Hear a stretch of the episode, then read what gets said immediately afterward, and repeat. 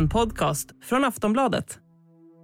Det var en pro-ukrainsk grupp som låg bakom sprängningarna vid Nord Stream i september förra året. Ja, det skrev New York Times häromdagen. Även tyska Die Zeit publicerade uppgifter om sex inblandade personer som syns på en båt bara veckor innan sprängningarna. An aide to Ukraine's President Volodymyr Zelensky has denied Kyiv was involved in the sabotaging of the Nord Stream gas pipelines. The undersea pipelines, which brought Russian natural gas to Germany, were blown up in September 2022. The New York Times reported earlier, citing unnamed U.S. officials, that U.S. intelligence indicates a pro Ukrainian group carried out the attack. German media is also reporting that there is evidence pointing to possible Ukrainian involvement. The German government is still investigating the incident, but Russia says that the reports show a UN led international inquiry is needed. Just nu pågår flera undersökningar kring sprängningarna av Nord Stream i september förra året. Sverige, Danmark och Tyskland genomför utredningar för att försöka få svar på vad som hände och vilka som låg bakom.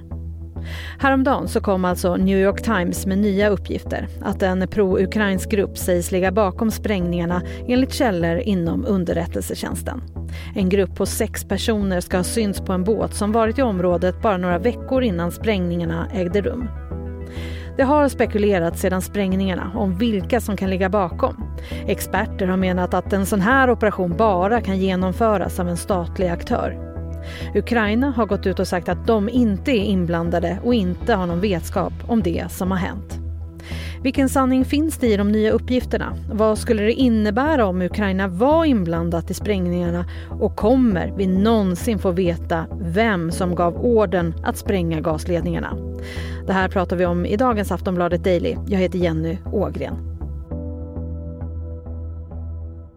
Och jag har ringt upp Wolfgang Hansson, vår utrikespolitiska kommentator. Och ljudet är inte helt på topp eftersom vi båda spelar in hemifrån, så du vet. Wolfgang får i alla fall börja med att berätta om de nya uppgifterna. Ja, det är uppgifter dels från New York Times, den amerikanska tidningen, eh, om att det skulle vara en ukrainsk grupp eller en, en, grupp med kopplingar till Ukraina som ligger bakom. Och samtidigt har en rad tyska medier publicerat uppgifter om att eh, eh, Dådet har utförts av sex personer som hyrde en båt eh, av en polsk firma med ukrainska ägare eh, och som åkte ut och, och eh, apterade de här sprängmedlen och sen eh, utförde dådet och man ska ha hittat då spår av sprängmedel på den här båten. Men eftersom de här personerna hade professionellt förfalskade pass så går det inte att säga vilka de egentligen var eller från vilken nationalitet de egentligen var.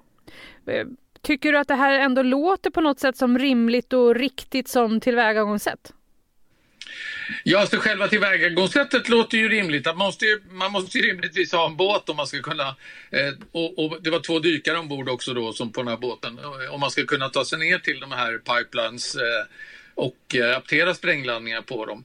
Men om det var just den här båten eller någon annan båt, det är ju svårt att veta eftersom alla de här uppgifterna, både New York Times uppgifter och de tyska uppgifterna, de bygger helt och hållet på anonyma källor som är väldigt svåra att värdera. Eh, I det amerikanska fallet så, så, är det underrättelsekällor och det kan ju vara i stort sett eh, vad som helst. Eh, så att det är jättespännande uppgifter och det är ju kittlande att tänka sig hur det kan ha gått till. Men jag tror man ska samtidigt vara lite försiktig med hur man värderar dem för att det kan också finnas intresse av underrättelsetjänster i utlandet att lämna anonym information som kanske bara är delvis sann eller som är direkt falsk för att då skylla på den andra sidan så att säga. Eh, eller peka ut någon speciell som, som skyldig. Eh, så att det, finns, det finns väldigt många olika eh, möjliga scenarier i det här. Om det nu skulle visa sig att det var en pro-ukrainsk grupp, eh, påverkar det Europas stöd på något sätt? Ja, det beror lite grann på vad det är för pro-ukrainsk grupp. Är det en grupp från Ukraina eller är det en grupp från Ryssland eller är det en grupp någon annanstans ifrån? Eh, det, det, är omöjligt att bedöma på de här uppgifterna. Är det en ukrainsk grupp med någon form av koppling till den ukrainska eh, regeringen eh, eller ukrainska myndigheter, då är det ju helt klart så att då kan det ju få följder för eh, västvärldens stöd till Ukraina eftersom det man gjorde när man sprängde de här eh, ledningarna var ju att man äventyrade Tysklands och även övriga Europas eh, energisäkerhet. Eh, eftersom Tyskland har ju varit väldigt beroende, och flera andra länder också, av den här ryska gasen. Nu var i och för sig gasen redan avstängd, alltså Putin hade redan vridit av kranen till Nord Stream 1 och Nord Stream 2 var inte taget i bruk när sprängningarna skedde. Så att eh, på det sättet så hade det ju ingen eh, ytterligare effekt på, på det, den, den svåra situationen som redan rådde när det gällde energiförsörjningen i, i Europa. Ska man tro på de här ryktena? Finns det någon sanning i det här? Väldigt svårt att eh, säga faktiskt. Eh, jag tycker man alltid ska vara väldigt försiktig och skeptisk när det gäller den här typen av underrättelseinformation. Och det faktum att det kom samtidigt ifrån USA och ifrån de här tyska medierna eh, det är förmodligen ingen slump, utan antingen är det så att när uppgifterna kom från, från New York Times så offentliggjorde de tyska medierna det de visste, eller så har det funnits någon typ av samarbete här mellan underrättelsetjänsterna i, i, i olika länder. Eh, men som sagt, det faktum att eh, människor hyrde en båt och gav sig ut på Östersjön eh, med dykare för att utföra det här, det är ju ett rätt rimligt tillvägagångssätt. Det är ju svårt att tänka sig att man skulle ha kunnat göra det här på något annat sätt. Om det inte var så att Ryssland från början placerade ut sprängladdningar på de här ledningarna som man skulle kunna använda i ett skede långt senare. Vilket ju verkar ganska långsökt. Tidigare har ju så kallade experter ändå sagt att det krävs en statlig aktör för att genomföra den här typen av aktion. Eh, hur skulle du säga att det går ihop med de nya uppgifterna? Ja, det, det, det, verkar ju vara det rimliga eftersom det här är ju ingenting som, som liksom den genomsnittliga klimataktivisten ägnar sig åt. Eh, utan här krävs det ju förmodligen en, en militär utbildning för att kunna genomföra eh, en sån här eh, attack eller aptering av sprängmedel på sånt här stort djup. Eh, och vi vet ju att det utbildas attackdykare i alla, försvars, i alla länders försvarsgrenar. Och det kan ju vara sådana som man använder sig av. De behöver ju inte ha varit kopplade till någon stat utan de kan ju ha engagerats av en, en, privat operatör. Men det måste ju i sådana fall vara någon med väldigt goda resurser som har eh, pengar och möjligheten att rekrytera rätt personer plus att få tag på stora mängder sprängmedel som krävdes för att eh, åstadkomma de här skadorna på, på de här pipelines. Som det verkar nu så finns det inga klara kopplingar till Ukrainas ledning. Om det skulle förändras, vad händer då? Ja, alltså ju, ju tydligare kopplingen blir mellan eh, president Zelensky och det utförda dådet, desto större sprängkraft, ursäkta eh, eh, skämtet, men eh, desto större sprängkraft får det ju för Ukraina. För att då kan ju eh, andra länder, både Tyskland och sådana som egentligen vill stödja Ukraina, men även de länder som exempelvis Ungern, som inte är så pigg på att stödja Ukraina, eh, reagera på det här och tycka att ja, men om, om Ukraina ägnar sig åt den här typen av gangsterfasoner, då kan vi ju inte liksom stötta dem på det här sättet. Och, och är det här tacken för att vi har hjälpt Ukraina och så vidare och så vidare. Så att eh, det kan ha väldigt negativa följder för Ukraina i så fall. Och det är ju ett argument som talar emot att Ukraina överhuvudtaget skulle våga ägna sig åt något sånt här. Alltså då, då säger jag Ukraina i form av regeringen eller myndigheterna eller militären. Sen kan det ju finnas människor i Ukraina eller ukrainare utomlands i Tyskland, i Storbritannien, i eh, eh, Ryssland som skulle kunna samla ihop en grupp och genomföra någonting sånt här. Kanske då i samarbete med något lands underrättelsetjänst exempelvis. Så hur har omvärlden reagerat på de nya uppgifterna? Vi tar och pratar om det efter pausen. Vi är snart tillbaka.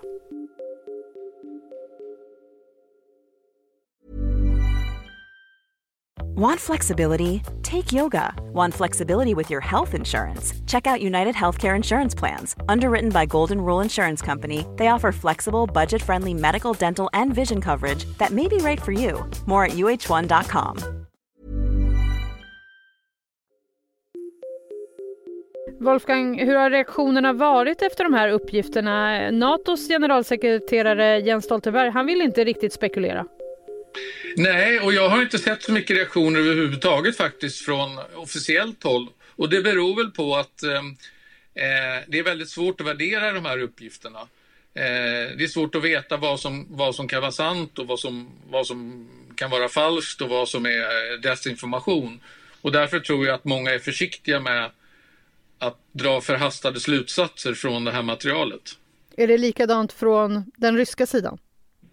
Nej, den ryska sidan de har ju sagt att eh, det här är ett sätt för, för väst att försöka blanda bort korten och ta bort uppmärksamheten från att det egentligen är väst som sprängde de här ledningarna och så vidare. Eh, så att eh, ryssarna använder ju det här i sin propaganda så att säga för att, för att på något sätt försöka distansera sig ifrån eh, att de eventuellt skulle vara skyldiga till den här eh, sprängningen av Nord Stream. Hur ser det ut med bevisen egentligen kring allt det här? Alltså, några egentliga bevis finns inte överhuvudtaget som vi har fått se. Alltså det här att det skulle finnas spräng, rester av sprängmedel på den här båten, det är ju ingenting vi vet, det är ju bara ett påstående. Och dessutom är det ju i sådana fall så att de här resterna har ju upptäckts långt efter att båten har lämnats tillbaka. För det här var ju, den här båten gick ut i början på september till det här området eh, i Östersjön. Och sprängningen skedde i slutet på september och sedan dess har det ju gått många månader eh, utan att vi har fått höra någonting så att säga.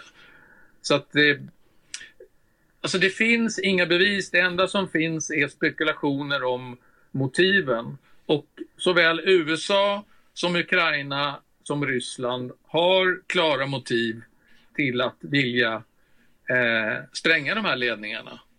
Eh, så att alla tre kan tänkas vara skyldiga. Eh, skälet till att Ryssland i början pekades ut som det mest troliga eh, skurken i det här, det är ju att eh, eh eftersom Ryssland redan hade stängt av gasen eh, och Nord Stream 2 inte skulle få användas, det hade ju både USA och, och Tyskland sagt, så fanns det inte längre något ekonomiskt värde för Ryssland i de här ledningarna. Och då kanske man såg istället att det fanns ett strategiskt värde att genom att spränga de här så kunde man då ytterligare bidra till den här oron eh, i energimarknaden i Europa. Och det var ju också vad som hände, att gaspriser och elpriser tog ytterligare ett skott, skutt uppåt och det blev ännu mer osäkerhet eh, och, och ekonomisk eh, nedgång för Europas konsumenter och, företag. Eh, sen kunde Putin inte veta att, att eh, eh, vintern inte skulle bli så eh, kall och att Tyskland väldigt snabbt lyckades få fram eh, sån här flytande eh, gas istället och ersätta den ryska gasen med. Så att hans energikrig mot Europa blev ju inte så effektivt som man hade hoppats. Men jag menar, det, det är ett fullt rimligt motiv från rysk sida att göra det här och det var ju därför som man från början misstänkte dem. Och det kan ju fortfarande vara så att det var ryssarna som låg bakom. Men USA och Ukraina har ju också sina motiv. Det är ju så att det pågår ju flera utredningar eh, som görs kring de här sprängningarna. Vad tror du kommer komma fram i dem? Ja, både Tyskland och Danmark och Sverige har egna utredningar. Eh, de danska och eh, svenska utredarna de meddelar FN häromdagen att eh, de förundersökningen fortsätter utan att de har så att säga, fått fram några avgörande bevis på någonting. Eh, och det är väl det som är problemet i det här så att säga. Att, eh, eftersom de här brott, det här brottet har begåtts på eh, ett stort djup i Östersjön. Ehm, Ehm, det är liksom svårt att hitta fingeravtryck eh, på vem som kan tänkas vara skyldig. Eh, om det nu är så att människor med förfalskade pass har hyrt båtar och eh, gjort det här, då är det också väldigt svårt. Hur, hur hittar man dem? Eh, så att jag tror att det blir, att det blir väldigt svårt att, eh, med någon större grad av säkerhet peka ut vem som är skyldig till det här. Tror du att vi någonsin kommer få veta? Risken är ju att vi inte kommer att få veta det. Eh, det finns ju lite paralleller till det här. Eh, jag tänker på de här alla morden i Ryssland på kända politiker och, och journalister. Där är det ofta så att man hittar den som, som höll i mordvapnet som oftast är en yrkesmördare. Men man får aldrig reda på vem det var som egentligen gav uppdraget. Eh, och det är samma sak lite grann här att okej, okay, kanske lyckades vi hitta, om de här nu sex var de som låg bakom, kanske lyckas man hitta dem. Men lyckas man då få reda på om det var någon som gav dem uppdraget, vem var det i så fall? För det, det är ju, det är någon, någon har ju så att säga gjort det här och, och haft en tanke med varför man vill göra det. Vad tror du händer nu då den närmaste tiden kring allt det här? Ja, det här sätter ju lite press på utredarna plus att det kanske dyker upp eh, ytterligare uppgiftslämnare och som att det kommer fler uppgifter nu på grund av det här. Det har ju varit tyst väldigt länge om Nord Stream-sprängningen. Det första som hände var att den amerikanska journalisten Seymour Hersh gick ut med sin eh, teori, eller vad man ska kalla det, eh, efter att ha också pratat med anonyma källor, att det skulle ha varit USA och Norge som låg bakom det här och att det inte fanns några bevis för att Ryssland skulle vara inblandat. Eh, det, det var det första som kom och nu har vi den här eh, uppgiften från USA och Tyskland om att det skulle vara en ukrainsk eh, koppling till det här att Ukraina på något sätt skulle vara inblandade. Så vi får väl se om det dyker upp ytterligare spår. Tack för idag Wolfgang. Tack. Sist här Wolfgang Hansson, Aftonbladets utrikespolitiska kommentator. Jag heter Jenny Ågren och du har lyssnat på Aftonbladet Daily. Vi hörs snart igen. Hej då.